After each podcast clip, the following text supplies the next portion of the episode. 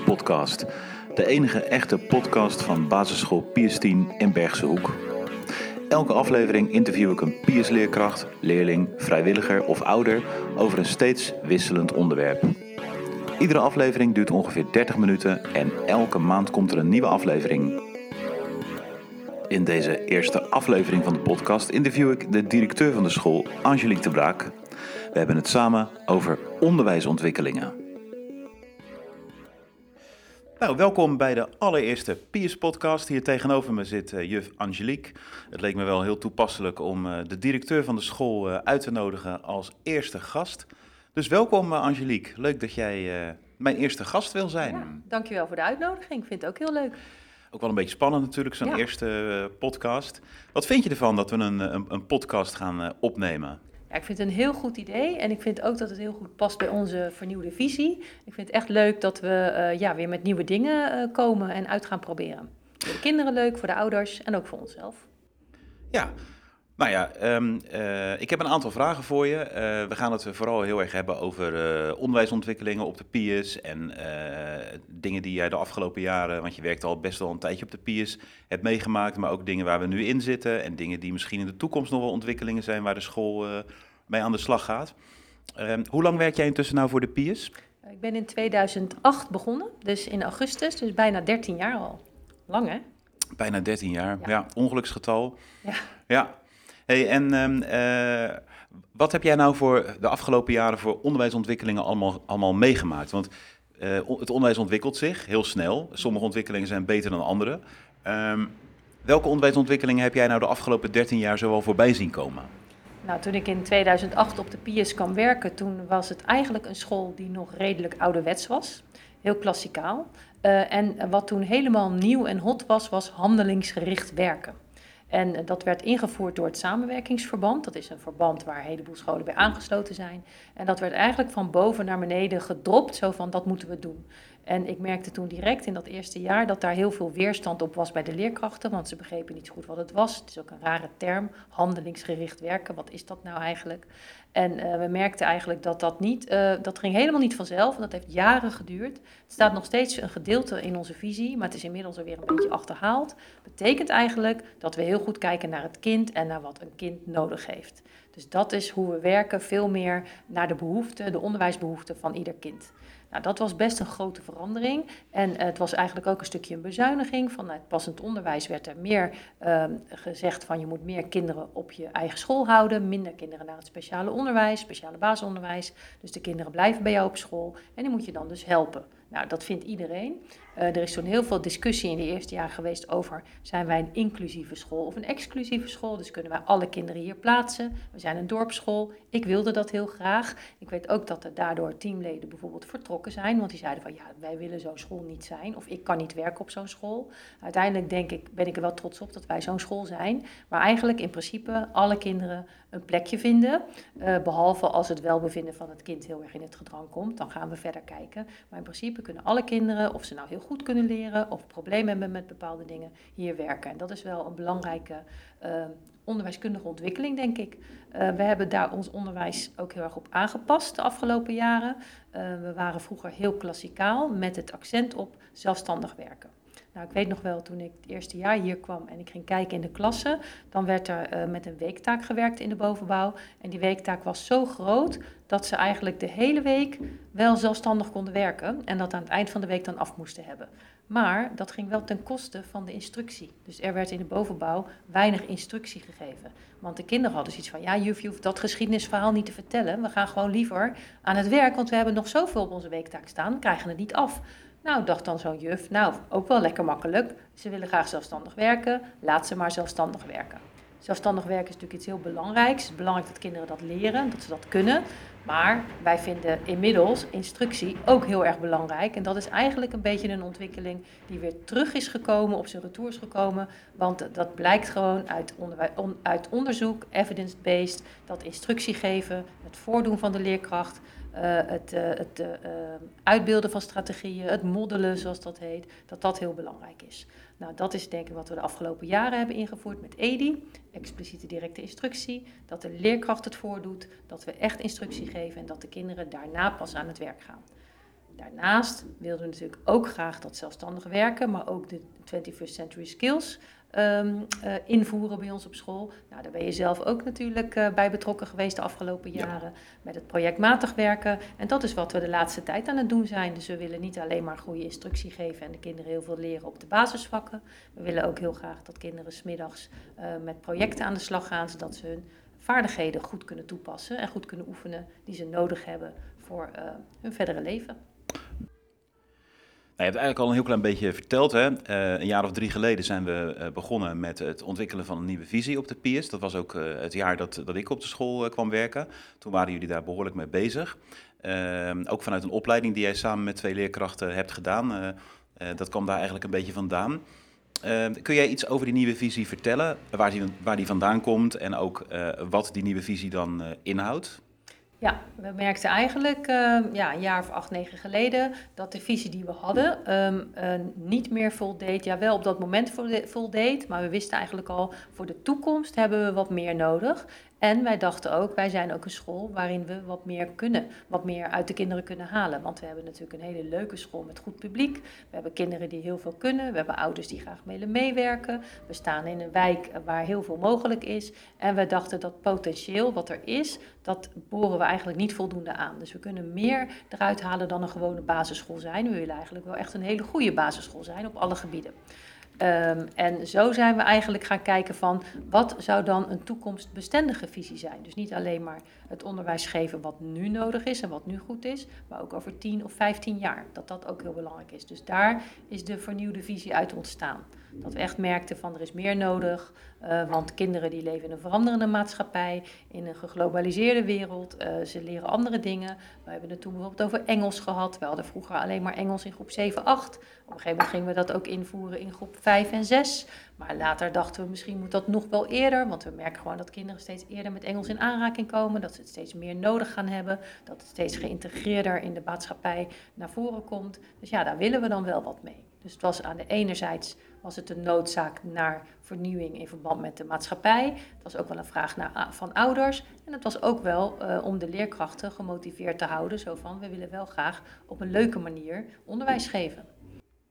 Nou zijn we al een tijdje met die nieuwe visie bezig, een jaar of drie. En uh, zo'n nieuwe visie implementeren duurt ook wel lang. Dat heb je niet 1,5 jaar klaar. Uh, en uh, wat je vooral merkt is dan dat laatste, dat laatste onderdeel hè, van, van zo'n uh, implementatietraject. Dat is echt borgen van zo'n visie. Dat is het meest lastig. Nou, dat blijkt op school hier ook. zeker nu in de coronaperiode.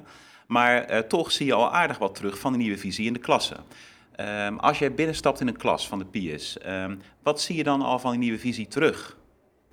Uh, ja, je hebt gelijk dat het inderdaad het lastigste is om het te borgen. Maar daarom heet een visie ook een visie. Je zet, en eigenlijk kijk je als visionair van hoe wil je het uiteindelijk hebben. En dat is ook wat leerkrachten in het begin zeiden. Van ja, maar dat wat we nu opschrijven, zo doen we het helemaal nog niet. Of in ieder geval nog niet helemaal. Maar dat gaat, maakt ook niet uit dat je moet naar een doel, naar een ambitieus doel werken.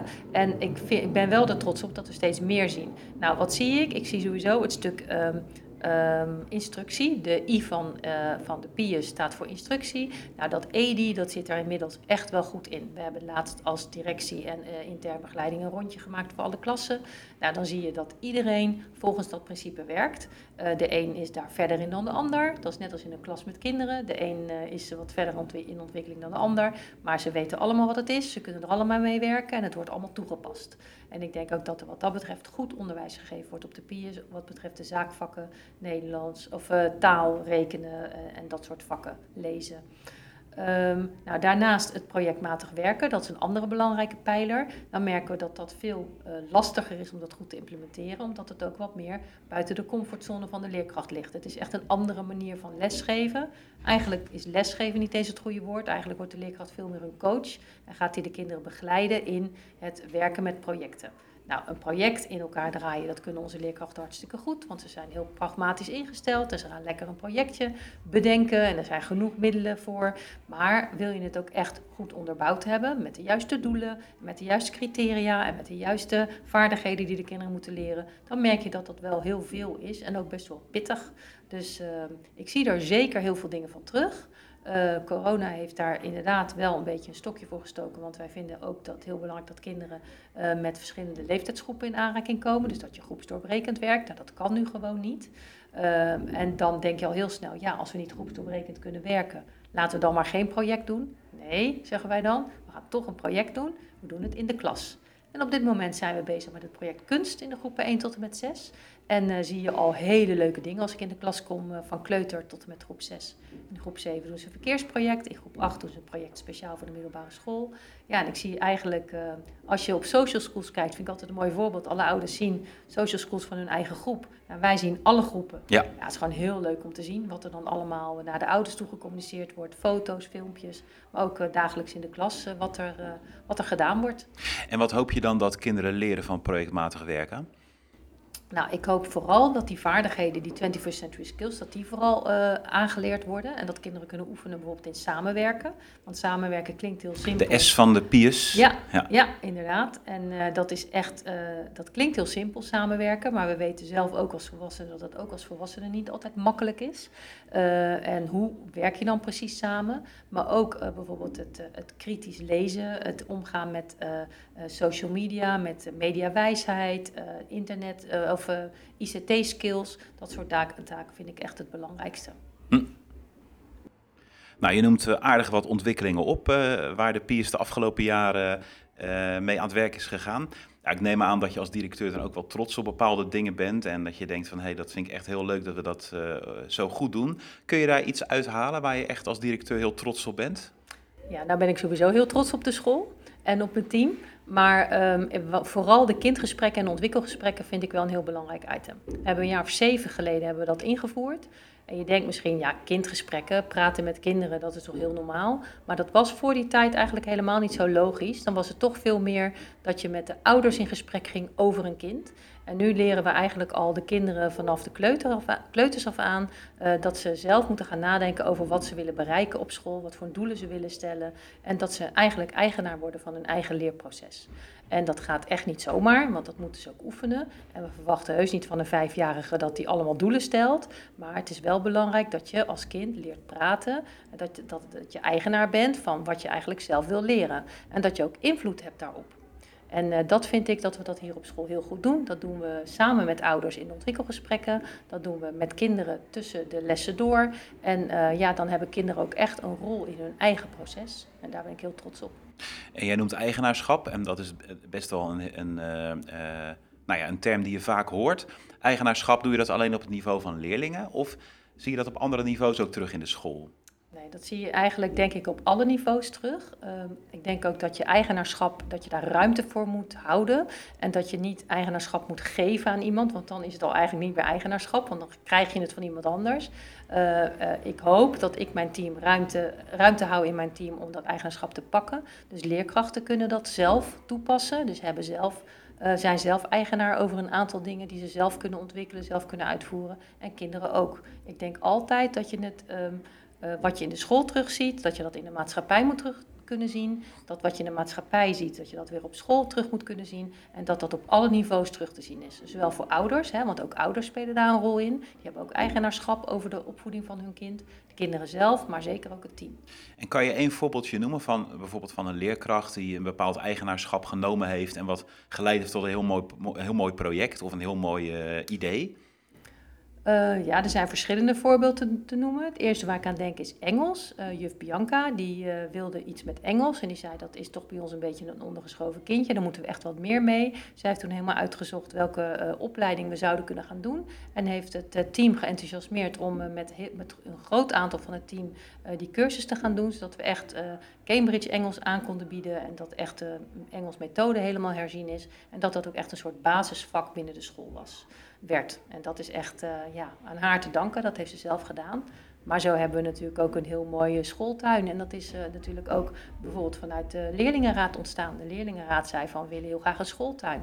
Ja, dat kunnen leerlingen niet alleen. Dus er waren ook enthousiaste leerkrachten en vrijwilligers die daar weer mee meehielpen. En die schooltuin die draait nog steeds. Maar zo heb je ook het mooie voorbeeld nu van juf Martine die met de BSK-klas, met de muziektuin aan de slag is. En dat we een heel mooi muziekproject realiseren hier op school. Dat zijn allemaal initiatieven die vanuit mensen zelf komen. En uh, dat moet natuurlijk aansluiten bij de visie. Daar ben ik dan weer voor. En jij, om samen te kijken van past dat in onze visie? Uh, klopt dat? Maar ja, het enthousiasme is natuurlijk heel erg belangrijk daarin. Nou, momenteel is, uh, je noemde het volgens mij net ook al, de term evidence-based onderwijs is heel erg hip. Ehm, onderwijs op basis van bewezen onderzoek. Ehm, en EDI is daar eigenlijk een voorbeeld van. Hè. Uh, uit allerlei onderzoek is gebleken dat, dat uh, het geven van een goede directe instructie dat dat, heel effectief is voor, het leer, in het leerproces van, van leerlingen. wat vind jij van die ontwikkeling? goeie vraag. Ik vind aan de ene kant een goede ontwikkeling. Aan de andere kant denk ik ook, je moet uitkijken dat je niet de term alleen pakt en als je een mailtje krijgt van dit is evidence-based, dus dat gaan we doen. Uh, als, uh, als schoolleiding moet je denk ik opletten dat je niet met alle winden mee gaat waaien. Uh, ik zie een soort cyclisch patroon door de jaren heen, naarmate ik meer ervaring krijg, dat bepaalde dingen steeds weer terugkomen. En dat je toch in een structuur van een school beperkte mogelijkheden hebt om alles door te voeren qua vernieuwingen.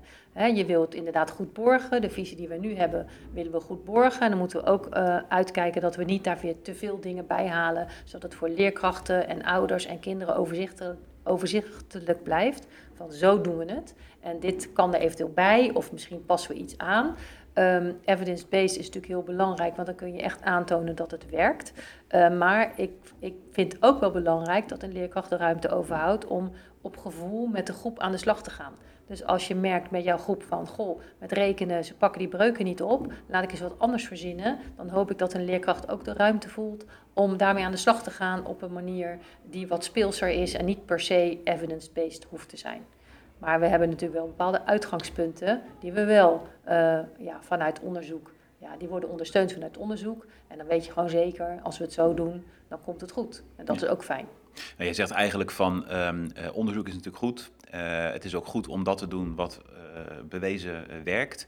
Maar aan de andere kant, iets kan ook wel in een bepaalde situatie, in een bepaalde klas heel goed werken. Ja. Uh, en het hoeft dan niet uit onderzoek te blijken, maar dat zie je als leerkracht dan eigenlijk. Van dit ja. werkt in mijn groep, in mijn situatie, ja, dus doe ik dat hier. Ja, en het wil niet zeggen dat het niet werkt omdat het niet onderzocht is. Het kan nee. ook gewoon een, een klein dingetje, het, eigenlijk doe je dan een klein onderzoekje in je klas.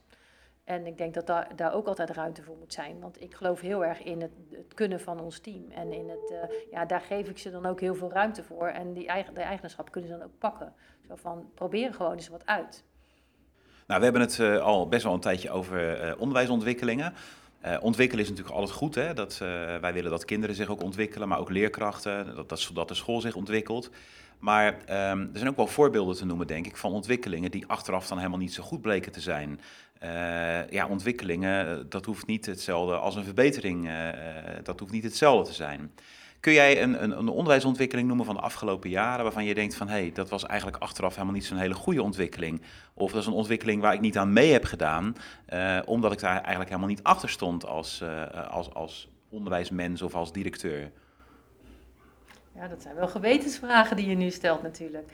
Kijk, ik geloof er heel erg in dat uh, ik wil graag op een school werken die niet een bepaald stempel heeft, zoals bijvoorbeeld Jena-plan of Dalton of Montessori.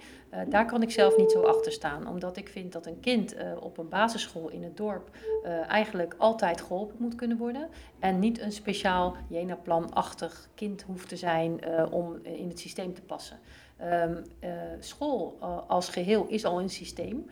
En uh, daar zitten we met z'n allen best wel in vast. Dat heeft voor- en nadelen. Het heeft helemaal voordelen. Maar het heeft ook best wel nadelen. Bijvoorbeeld dat een kind wat bij de kleuters eigenlijk nog drie maanden onderwijs nodig zou hebben, nog niet naar groep drie kan. Of juist vroeg naar groep drie moet.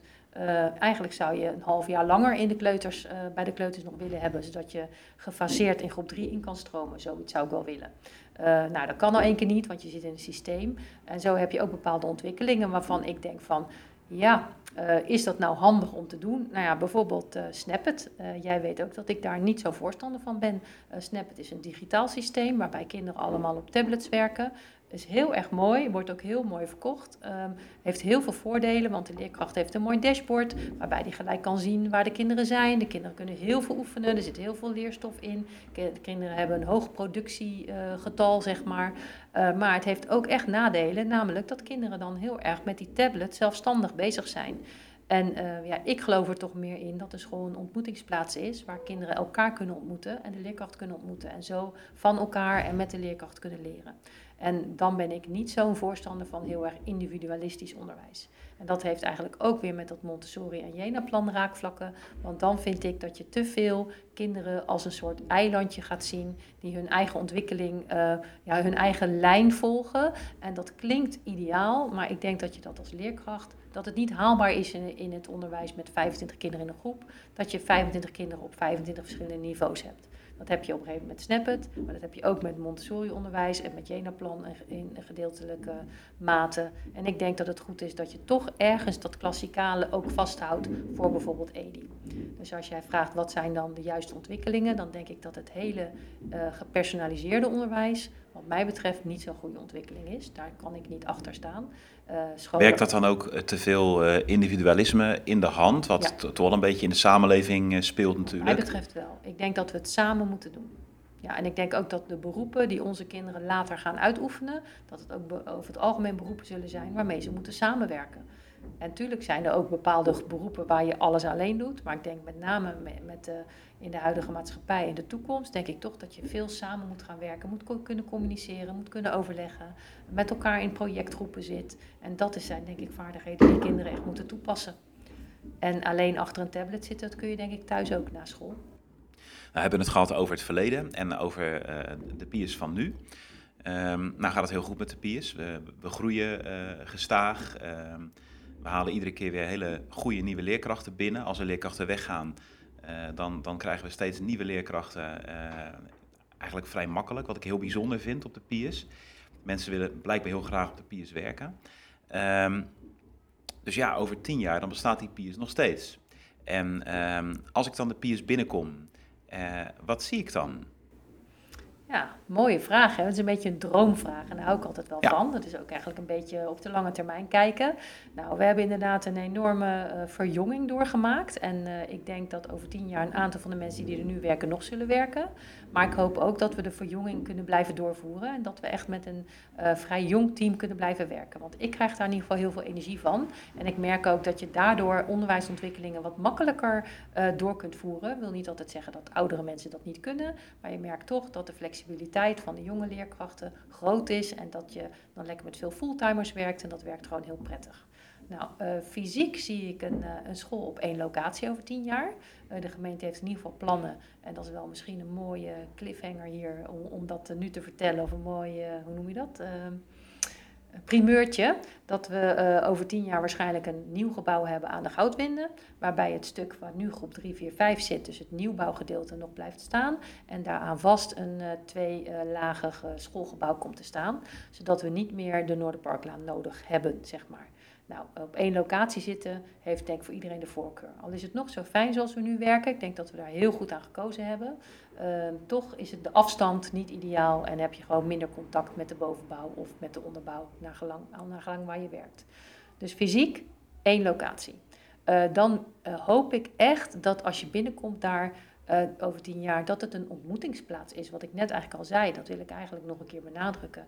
Um, de uh, leerkracht staat niet centraal, maar het kind staat centraal. De leerkracht heeft een meer coachende rol. Uh, nog steeds hoop ik dan dat er veel geleerd wordt op het gebied van taal en rekenen en lezen. Maar ook vooral dat die projecten dan echt floreren. En dat je echt dat projectmatig onderwijs ehm, ja, dat dat leeft, dat dat bruist, uh, dat, uh, dat er be bewegend wordt geleerd, want dat vind ik belangrijk. Dat er buiten wordt geleerd, dat uh, de maatschappij naar binnen wordt gehaald door middel van gastlessen, maar ook dat, de, dat we naar buiten toe gaan, naar de maatschappij toe, door middel van bezoekjes aan nou ja, waar het thema dan ook mee te maken heeft. Dat hoop ik dan te zien. Dat hoop jij te zien, ja. En hoe groot is die kans, acht je? Ik acht hem heel groot. Ja. Wat mij betreft. En, en ook niet eens over tien jaar. Ik denk dat dat over vijf jaar ook al zo is. Ja. En een gedeelte is het ook al zo. Maar ik denk dat we dat. Ja, ik denk dat we gewoon een hele goede, stevige basis hebben gelegd. En dat we dat alleen nog maar. Dat we daar heel dichtbij zitten, zeg maar. En dat we stapje voor stapje daarheen gaan. Ja. Dan hebben we volgens mij uh, nou, ongeveer uh, een half uur gepraat met elkaar over uh, visie, over onderwijsvernieuwingen, ontwikkelingen in de school. ik wil jou heel erg bedanken voor dit interview. Volgens mij is het uh, heel uh, interessant om uh, te beluisteren wat jouw visie is op onderwijs, maar ook wat jouw visie is op, op, op, op, op onderwijs op de, op de PIES. we gaan eens even kijken of, of je voorspellingen over tien jaar of die, uitkomen. we gaan deze podcast regelmatig maken, elke keer met een andere gast. Ehm, dit keer was het met jou, de volgende keer met een, een, leerkracht of met een ouder of met een vrijwilliger of met een kind, kan natuurlijk ook. En dan ook weer een, een ander onderwerp. Dus uh, ik wil je bedanken. Ik hoop dat je het leuk vond. Ja, heel leuk. En dan wil ik uh, jou bedanken, maar ook de luisteraar bedanken voor het luisteren naar deze eerste Piers podcast.